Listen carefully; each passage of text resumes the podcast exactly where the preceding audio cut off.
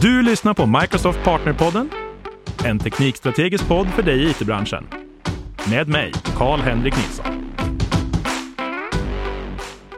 Hej och välkommen! Idag pratar vi med Oskar Kjellberg. Oskar är en Microsoft-veteran som har jobbat på Microsoft i över tio år och jobbar idag i mitt team som Cloud Solution Architect för säkerhet. Välkommen Oskar! Tack så mycket! Du, hur känns det att vara Cloud Solution Architect för säkerhet? Jag höll på att säga att det är en ny roll, men jag tror att du har, det är så här pandemin som spelar in igen. Du, du har varit där rätt länge va? Ja, jag började ju mitt i pandemin kan man säga. Så att jag har ju varit på Microsoft i olika partnerroller kan man säga. Så att jag har jobbat med partnerutveckling eh, eh sedan eh, 2014. Började på Microsoft som säljare, som konsult eh, 2012. Teknikstrateg och så vidare. Sen så i 2020 började jag som eh, Cloud Solution Architect för säkerhet. Det ligger väl i tiden kan vi väl säga. Ja. Jag tänkte vi skulle lämpligt nog prata lite säkerhet idag. Mm. Framförallt så tänkte jag vi skulle försöka ge oss in på våra organisationer och hur vi kan liksom säkra upp våra, ja, allt ifrån våra devices till hur vi jobbar med, med säkerhet. Liksom. Mm. Vi börjar från början. Är det här ett problem? Lång eller korta svaret? Välj själv. Ja, men ja. jo, men alltså, eh, de flesta organisationer har ju eftersatt säkerhet. Okay. Ett vanligt scenario, om vi, tänk, om vi tar det, jag började eh, mitt under pandemin. Någonting som vi pratat om under ganska, ja, de senaste två åren eller nästan snart tre åren då, är att det skedde ju väldigt mycket digital transformation på väldigt, väldigt kort tid. Vi skulle ju liksom börja så att alla skulle jobba hemifrån naturligtvis och vi möjliggjorde detta med verktyg som Teams som man öppnade upp så att folk kunde jobba hemifrån och man kanske satte upp VPN eller bara öppnade upp och man möjliggjorde för sina medarbetare att jobba hemifrån. Och vi sa att vi gjorde liksom två års digital transformation på två månader. Vad ledde det till då? Jo, men att man eftersatte säkerheten för att det var fokus på att möjliggöra först. Och nu så efteråt här nu så har vi kanske kommit upp att vi har fått en ja, men cybersäkerhetsskuld, kanske vi kan kalla det då. Så att många företag har ju inte hängt, de har liksom möjliggjort den här nya möjligheten, men de har inte byggt upp en tillräckligt säker eh, infrastruktur eller säker arkitektur för att eh, stötta detta. Då. Och dessutom så har ju hoten förändrats. Eh, om bara, Hur då? Ja, men alltså de blir, de blir mycket mer sofistikerade. Det är inte längre script kiddies som eh, går runt och försöker attackera företag, utan det är liksom så, nationalstatliga aktörer och stora grupper som har liksom en, detta som en verksamhet. Så att jo, det är en helt annan hotbild idag. Det är aktörerna som attackerar är betydligt starkare och bättre. Och våra organisationer har i alla fall inte alltid täckt upp för det här eller eh, tagit hänsyn till det här många gånger. Kanske man tror att det, här drabbar någon annan. Och då blir ju liksom den självklara frågan, vad gör man nu då så här nu när vi kanske börjar få lite andrum till att, till att börja titta på de saker vi eftersatte när vi skulle skynda oss in och kunna jobba på distans under pandemin? Det första man ska börja kolla på, det är ju eh, hur man han, hanterar identiteter och enheter. Det som har skett är ju nu att vi har ju en, en, en, ny perimeter eh, och det är identiteten. Det är inte längre så att ja, men där jag har min brandvägg, jag kan kontrollera trafiken som går in och ut till våra, våra system. Utan idag så är det ju identiteten som är den nya perimetern. Så hur hanterar vi eh, autentisering och auktorisering, alltså access till våra system? Det är det första man ska börja jobba med. Och då finns det ju saker som, vi har säkert hört det här förut, men eh, multifaktorautentisering.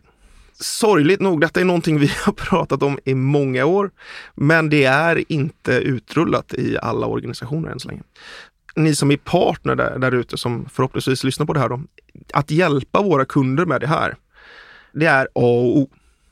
Det vi egentligen börjar med att säga här, det är att om man har alltså ett, ett login och ett lösenord bara att ta sig in någonstans, då är det en riktig security-smäll. Liksom. Det här är ett tydligt exempel på någonstans där man, där man har ett, en, ett ris en risk helt enkelt. Ja, ja, alltså eh, att implementera tvåstegsautentisering med MFA med hjälp av. Microsoft-tjänster exempelvis skulle kunna reducera identitetsbaserade attacker med 99,9 procent eller någonting. Eller så. Låter rätt vettigt. ja, men, det är ju sant, vi har ju pratat om det här i alltså, om jag skulle gissa på ett årtal nu så är det säkert ännu längre som vi har pratat om det. Men det, det är ju superlänge sedan jag vet att jag började få så här mail, bara slå på tvåfaktorautentisering liksom mm. och så vidare. Samtidigt så jag kan börja tycka att det är lite drygt också. Jag skulle vilja ha något annat system i min telefon för att mm. jag kan aldrig lägga ifrån mig telefonen. Jag måste alltid ha telefonen med mig för att göra den där förbaskade tvåfaktorsautentiseringen. Ja.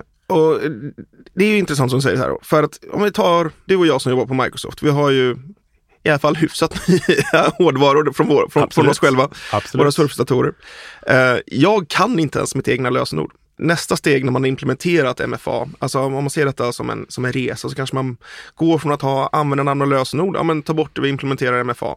Sen så nästa steg till det här är att gå passwordless. Eh, vi är inte där själva än, men vi är på väg dit och det finns en del organisationer som gått passwordless. Det innebär ju att man inte längre har något lösenord, så då går det inte att bli phishad, utan då är det liksom en, en enhet som är knuten till en inloggning. Så då måste du bli av med enheten plus kanske då din biometri kopplat till det här. Så de, de klipper din mobiltelefon och ett finger för att kunna komma in. Eh, men låter Eh, i och för sig som, nu det som någon typ av sån här James Bond-film. Men det är ju nästa steg då. Men jag är fullkomligt medveten om att innan du kommer dit så behöver du ha hårdvara som stödjer detta. Du behöver ha en systempark som stödjer detta. Du behöver ha, det finns ganska många steg man behöver komma dit. Att börja med tvåstegsautentisering och då kan man använda exempelvis moderna eh, laptops som har kanske inbyggt stöd för Windows Hello eller fingeravtrycksläsare som är den andra faktorn som gör det enkelt så man slipper komma ihåg lösenord. Kolla för oss då. Jag, menar, så här, jag gissar att du använder också Windows Hello, eh, Face Absolut, ID. Så, absolut. att, så att när du öppnar locket så behöver du inte slå in något lösenord utan då har du liksom din andra faktor som är ditt ansikte och din enhet. Och sen så eh, har du liksom ditt lösenord, är kopplat i enheten. Som, Jag, jag kör ju också security by obscurity genom att inte bo i Stockholm, så det är ingen som hittar hem till mig. Det det är svårt att klippa ditt ansikte. Har man moderna enheter så är det väldigt enkelt för medarbetarna. För då blir man faktiskt de facto av med sitt, eller man blir inte av, men man behöver inte komma ihåg det på samma sätt. Det blir liksom en ökad säkerhet att faktiskt ha bra användarupplevelser av säkerheten. Mm, precis. För jag har ju tvåfaktorautentisering. Enda gången jag behöver använda detta det är om jag loggar på någon enhet som jag inte vanligtvis jobbar på. Typ en enhet som ja, är hemma eller eh, jag lånar en kompis surfplatta för att gå in och kolla någonting. Ja, men då kanske jag behöver autentisera mig med, via min mobiltelefon då. Så för mig så är ju mobiltelefonen en backup eftersom att min primära arbetsstation redan är en rollad och eh, med stöd för Windows Hello. Så att det är det som är min andra faktor. Jag tror att även om man då kanske inte har stöd för detta på sina enheter i verksamheter idag. Det kanske, man kanske jobbar i en verksamhet där flera medarbetare delar på samma enhet. Då finns det också lite utmaningar med det här. Men då finns det exempelvis sådana här USB-nycklar som har eh, stöd för det här, då, som man kan plugga in med fingeravtryckslösare på dem och sådana saker. Är det så, typ YubiKey de här? Ja, precis. Så det finns andra varianter man kan använda också. Och eh, det gör det också enkelt för medarbetarna. Kan man inte detta, men man skulle kunna rulla ut så man använder en password manager så att det tillåter att medarbetarna gör detta så man kan ha olika lösenord på olika tjänster. Jag menar så här, jag kan ju gissa vad folk har för eh, lösenord. Det är liksom någonting som är bekant för dem själva. Kanske sin hemmastad, sin födelseort, eh, hundens namn, barnens namn eller någonting i nästa Sen så har man lagt till, var man ju tvungen att lägga till liksom en liten siffra en siffra också då. Mm. Och då, då var det vanligtvis 1 eller 1, 2, 3. Och sen så kommer nästa steg, då var man tvungen att lägga till ett, liksom, något sånt här specialtecken. Då la man till ett utropstecken eller ett sån här eh, hashtag. Det är liksom mm. någonting som man känner som är bekant med själv och sen så 1, 2, 3 utropstecken. Jag läste någonstans att den absolut vanligaste lösenordet i kommunal verksamhet var din hemadress mm. med siffra. Så mm. det blev liksom, om du bodde på så här Södergatan 36 med ett utropstecken på slutet. Mm. En annan sak som är liksom, man kan tänka på när det kommer till det här är att dina medarbetare är ju människor och människor eh, jag kan ju prata för mig själv, man är lite lat. Man, man, vill inte, man kan inte komma ihåg hur många olika lösenord som helst. Så eh, jag har ju mitt lösenord som jag har för jobbet. Det har jag ju naturligtvis, eftersom att jag jobbar med det här, ett helt annat lösenord än vad jag har för mina privata tjänster. Men det är ganska vanligt att folk har liksom ett och samma lösenord på alla olika tjänster, oavsett om det är på jobbet eller om det är på den här webbshoppen som du behöver skapa ett konto för för att du skulle köpa ett par nya jeans. Litar vi på att den här webbshoppen har jättebra cybersäkerhet? Eller de kanske blir attackerade och hackade. Ja, och då har de ju sitt personliga e-mail där då som kanske är andersandersson at outlook.com eller gmail.com. nu var det lite dumt att jag tog Anders Andersson som det är väldigt vanligt. Men säg att man har lite mer, lite mer ovanligt namn som Karl-Henrik det, Nilsson. det spelar ju ingen roll egentligen, fast att ofta så är det ju din mailadress de har kopplat till, så att du kan ju söka på den. Precis, men, det är så här, men du har ju min privata e-mail där. Men är det, har man ett lite mer ovanligt namn som kanske då Karl-Henrik Nilsson. Söker jag på ditt namn så Mm. hittar jag vart du jobbar någonstans. Ja, så är det ju. Då kan jag ganska enkelt räkna ut vad som är din e-mailadress för det är bara att byta liksom domänen efteråt. Och har du då använt samma lösenord där så går det ganska enkelt att matcha detta. Så att lösenord är ju en dålig idé. Är bättre att ha tvåfaktorautentisering Ja, aktiverat. tvåfaktorautentisering måste du ha aktiverat. Har du inte det så har du liksom egentligen, det är som att spela fotboll utan målvakt.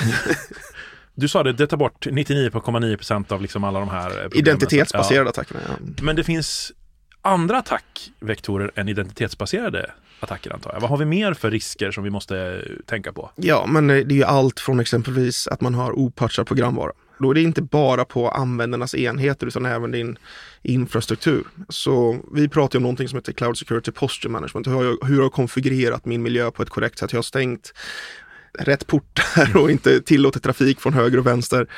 De applikationer som jag kör, är de uppdaterade? Eller är det fortfarande 2012 års version som vi kör på den för att vi inte orkat uppdatera den här? Då? Som garanterat har en hel del säkerhetsluckor. Då. Så att opatchade system eh, är också en ganska vanlig eh, attackvektor. Så att ni kommer inte ihåg om det var patch eller No patch eller vad det nu, vad det nu hette då. Va? Men det var ju liksom, de utnyttjade en sårbarhet som det hade funnits en patch till i över ett halvår. Som slog ut, ja men sjukt många företagssystem. Och det är bara för att man inte hade uppdaterat det här då. Så att ha koll på det här och uppdatera sina system eh, är också en eh, superviktig sak. Och jag antar att vi börjar närma oss någonting som nästan kommer bli den här podcastens tagline snart. Det är ju att för att det här ska funka så är det ju automatisering som gäller. automatisering och information och de facto jobba med det här. Detta är ju någonting som vi kanske då har eftersatt. Man har hoppats att ja, men det här drabbar inte oss. Men det gör det. Vi har ju sett att liksom, de här liksom, ligorna som attackerar, de har börjat gå ner på mindre och mindre företag. För att de har ofta mer eftersatt säkerhet än vad många större företag har. Jag märkte det efter semestern i år. eh, Att jag vart utlåst från mina system eftersom att jag hade en ouppdaterad dator. Och det är ju någonting som man kan slå på då eh, med Microsoft-teknologi. Vi pratar om någonting som heter conditional access eller villkorsbaserad inloggning. Då kan man eh, ha lite olika signaler som kommer in, exempelvis vem är användaren? Eh, hur ser enheten ut? Är den patchad? Vilken applikation vill, du- ska du gå till? Vad finns det för data där och så vidare? Och så kan man säga så här att ja, men baserat på den så kan vi säga så att kommer du från en säker plats, från en betrodd enhet, så kanske vi inte påtvingar ytterligare multifaktorautentisering exempelvis. För att vi har inte den infrastrukturen och får vi göra det enkelt för medarbetarna. Men har du en hög riskprofil så att du kommer från en enhet som inte är betrodd utan du loggar på från en personlig enhet, ja men då kanske vi påtvingar multifaktorautentisering. Det kan också vara att du loggar på från en enhet som inte är patchad och uppdaterad. Då kanske vi tvingar dig att göra det innan vi släpper in dig. Så att, att använda eh, villkorsbaserad inloggning som det heter på svenska då, eller conditional access som vi oftast brukar säga när vi pratar svengelska på Microsoft. Det är ju också ett av de här verktygen som är superviktiga. Om inte, inte annat bara för att göra det enklare för medarbetarna. För då kan man liksom styra ett beteende därigenom. Dem och hjälpa organisationer att rulla ut det här och få bort legacy-autentisering. Det är superviktigt i ett första steg att säkra upp organisationernas IT-miljöer. För då kommer det ju in till det här. Vi pratar dels om att vi ska ha en säker inloggning, men vi ska också ha säkra enheter. Och då kan man ju liksom säga så här att jag brukar ofta använda min sambo som en liten slagpåse eh, för att jag vet ju att hon, när vi har jobbat hemifrån, att hon har varit en sån som att ah, men du måste uppdatera och starta om din dator. Hon, hon trycker på defer, defer, defer tills det inte går längre. Och jag tror att de flesta av oss som har partners som inte jobbar i it-branschen kanske känner igen sig i det här. Hon är ju så i mamma, pappa, eh, flickvän, sam, pojkvän, vad man nu kan tänkas vara. Man, man gillar inte stänga av och börja om. Så hon har ju liksom skjutit på det här i all evighet med villkorsbaserad inloggning, då kan man säga så här att om du inte gör det här, då kommer du inte längre åt dina system och kan inte göra ditt jobb. Så då får man liksom en liten nudge till medarbetarna att om man vill du komma åt din mail så måste du faktiskt starta om och uppdatera din dator.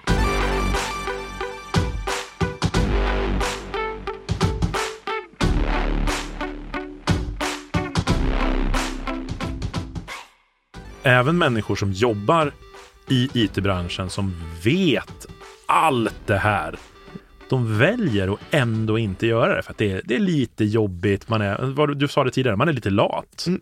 Och så blir det bara inte av.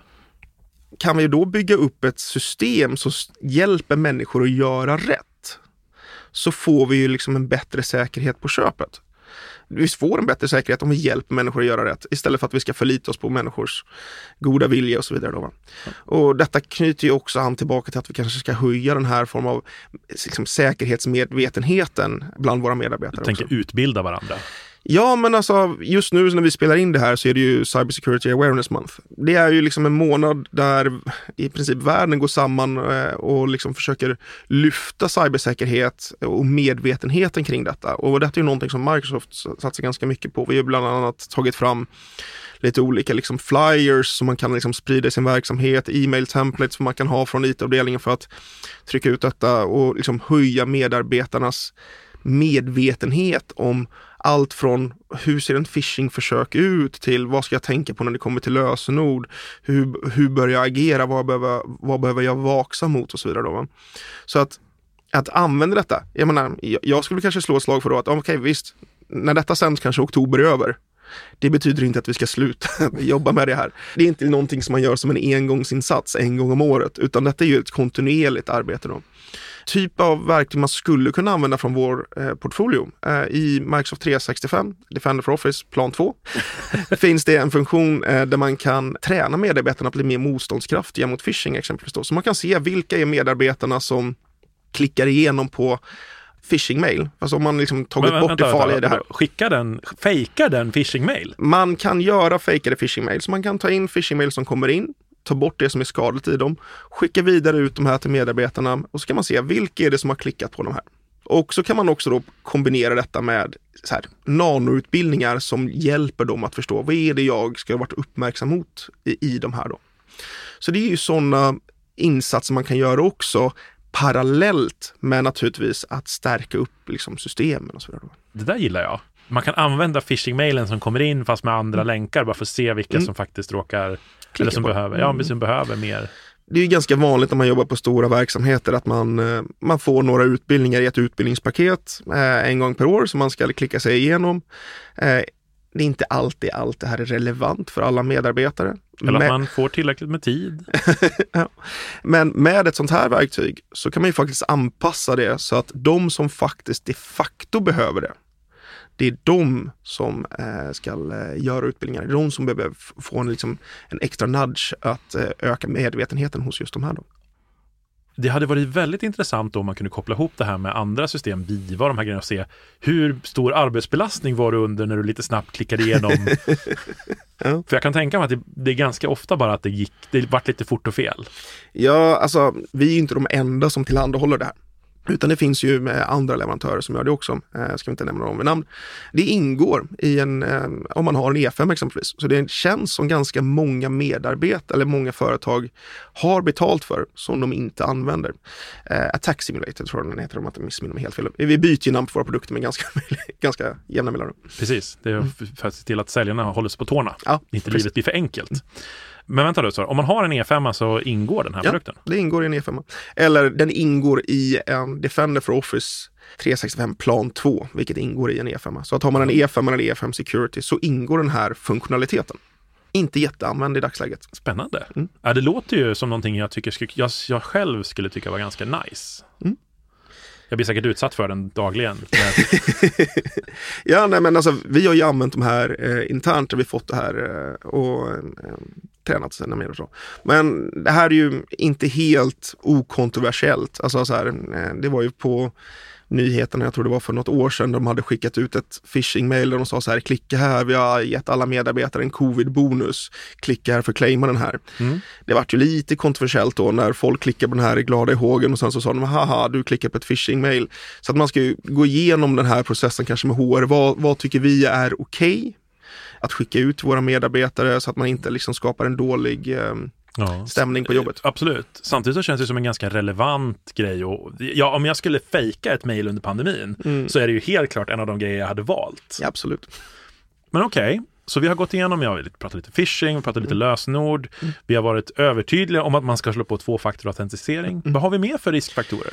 Ja, men vi pratar om det här om att man ska uppdatera sina system. Ja, just Eh, eh, det är ju superviktigt. Och vi pratar om att, liksom, att minimera attackytorna.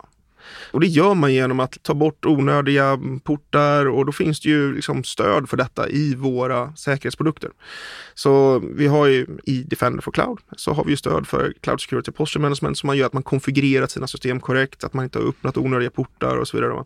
Så att det finns ju verktyg för att identifiera det här attack surface reduction och det finns ju även för våra klienter. Så använder man eh, device management med eh, Intune och så vidare då, så, så får man rekommendationer eh, för att göra detta. Okej, men det här känns verkligen som så här, du, steg fem. När du har gjort alla de andra grejerna så börjar man titta på och låsa ner portar, eller? Man ska ju göra allting samtidigt. Nej, men alltså absolut viktigast är att börja med identiteterna. Men självklart, det här är ju hygienfaktorer.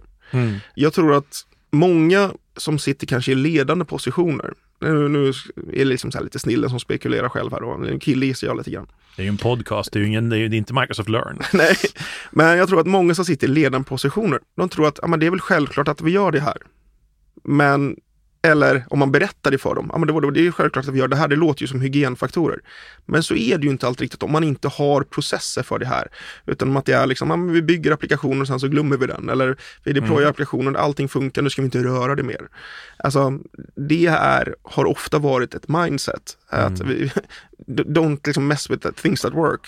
Och det där känner jag igen lite grann, för jag, jag upplever ju att framförallt om man har upphandlat någonting. Man, man har köpt in en tjänst där man har sagt ganska tydligt vad som ingår och vad som inte ingår. Mm.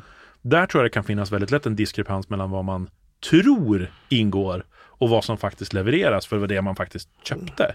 Ja, absolut.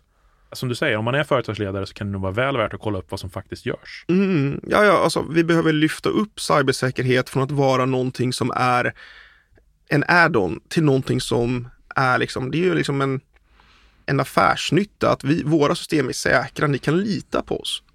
Det ska ju upp på, liksom på ledningsnivå, att cybersäkerhet måste vara en topprioritet. För det här är hög, liksom, det är stora risker för verksamheter idag. Vem i organisationen är det jag ska kunna väcka tre på natten och de ska tala om direkt vilka av de här sakerna som är gjort och inte? Ja, men det är väl CISO gissar jag. Och det är ju en, en C-level management-roll. Mm, liksom. mm. där, där, ska man, man ska ha koll på de här grejerna. Ja, man ska ha koll på vad vi har gjort. Liksom. Så att, eh, och vad är det vi har kvar? Hur ser vår strategi framåt ut? Då, Vi är inte riktigt där än i alla organisationer. Men att från partnerhåll ha detta med när man går ut och pratar om oavsett vad det än är man ska göra. Att som säkerhet är en utav, om jag skulle jobba på en partner, oavsett om det är så att vi ska hjälpa er att migrera till molnet, att vi gör detta på ett säkert sätt och, och det är en del utav liksom, månresan. Det är USPen för att man ska kanske välja att jobba med oss och inte någon av våra konkurrenter. Jag tänker också just det här du säger att det här med eh, fejkade phishing-attacker till exempel, om det säger att det är en grej vi inte använder speciellt mycket eller som, mm. som inte är påslaget. Det kan ju mm. vara ett jättebra säljargument att ha med sig att om de redan har köpt E5 så finns mm. det mycket värde här att skapa hos en partner. Ja, ja alltså det, ta det som ett exempel. Så vi har ju en uppsjö med olika tjänster i våran eh, Defender Suite, eller olika Defender Suite, som inte, alltså, som inte alla används i jätte i lika stor utsträckning. Men så här, Defender for Endpoint, ja absolut. Defender for Office, ja absolut. Men Sen så finns det olika subfunktioner i de här som inte alltid är påslagna. Tax Simulator är en jättebra exempel på en sådan. Och där behöver man ju inte ens vara kanske då en säkerhetspartner som gör detta, utan detta kanske är, ja men vi levererar Managed Microsoft 365 vad kan vi lägga till som en add-on-tjänst som partners där vi hjälper er att rodda det här? Vi hjälper er att sätta upp en strategi för vilka ska vi testa på? Vi hjälper er att sätta upp dashboard för er så att man kan få, få information. Så får man en rapport en gång per månad och se vilket av medarbetarna det är som vi kanske behöver göra lite mer insatser för. Där man kanske kan paketera en on-site-utbildning kring medvetenhet om it-säkerhet och så vidare för ett subset av personalen. Det är ett en sån sak. Men vi har även liksom i Defender for Endpoint finns det ju, ja men vi kan blockera olika webbsidor och så vidare som inte heller kanske alltid används. Man får välja vad man ska slå på och det finns väldigt mycket funktionalitet under huven om man kollar det. Ja, men nu har vi pratat ganska mycket om våra användare och de här gränserna. Men vad hände egentligen med den klassiska brandväggen? Jo, alltså den har ju inte försvunnit. Eh, vår infrastruktur är ju inte borta bara för att vi har användarna ansluter eh, hemifrån eller från kaféet eller från flygplatsen. Eller vad det är då.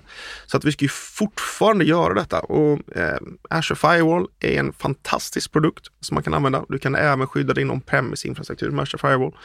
Sedan så har vi liksom skydd mot, jag menar så här, vad händer om din webbshop går ner i eh, fyra timmar på Black Friday. Det är en typiskt dålig grej. Va? Det kan kosta ganska mycket pengar. Så vi får skydd mot DDoS-attacker.